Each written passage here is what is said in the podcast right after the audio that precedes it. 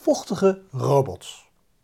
Hoe je bijna alles kunt falen en toch veel kunt winnen. Boek van Scott Adams. Hoe je jezelf kan programmeren voor optimale prestaties. Scott vertelt ons dat we een soort vochtige robot zijn. We zijn programmeerbaar. En de taal kan je zien als de programmeerinterface van de geest. We kunnen leren om deze programmeerinterface te gebruiken om optimaal gedrag te creëren. We hoeven alleen maar te leren hoe we onze robot zelf kunnen programmeren voor optimale prestaties. Kijk terug naar je eerdere successen die je in je leven hebt gehad. En check dan welk specifiek gedrag je hebt uitgevoerd toen je op je best was. Dit is geen hogere wiskunde. We weten eigenlijk allemaal wel hoe we onszelf moeten programmeren. We moeten gewoon de dingen doen die werken. En natuurlijk stoppen met de dingen die niet werken.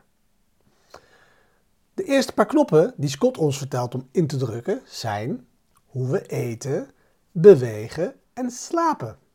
Dus de microles van vandaag is als jij, meneer of mevrouw robot, op je best bent, wat doe je dan? Hoe eet je? Hoe zorg je voor voldoende beweging? Hoe slaap je? Maar om deze vragen goed te beantwoorden, moeten we afremmen en in onszelf de gewoonte ontwikkelen door te checken of wat we doen op de meest fundamenteel niveau voor ons wel of niet werkt. Het gaat niet om goed of fout. Dat vind ik een morele vraag. Dit gaat om functionaliteit.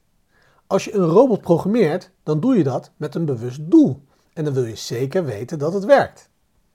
Als we taal zien als de programmeerinterface van de geest, dan is het belangrijk dat we dialoog met onszelf aangaan.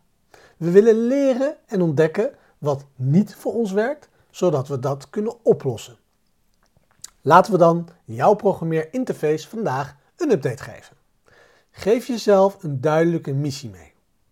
Robot, doe dit vandaag. Robot, stop hier vandaag mee. En als de dag voorbij is, stel jezelf dan deze vragen.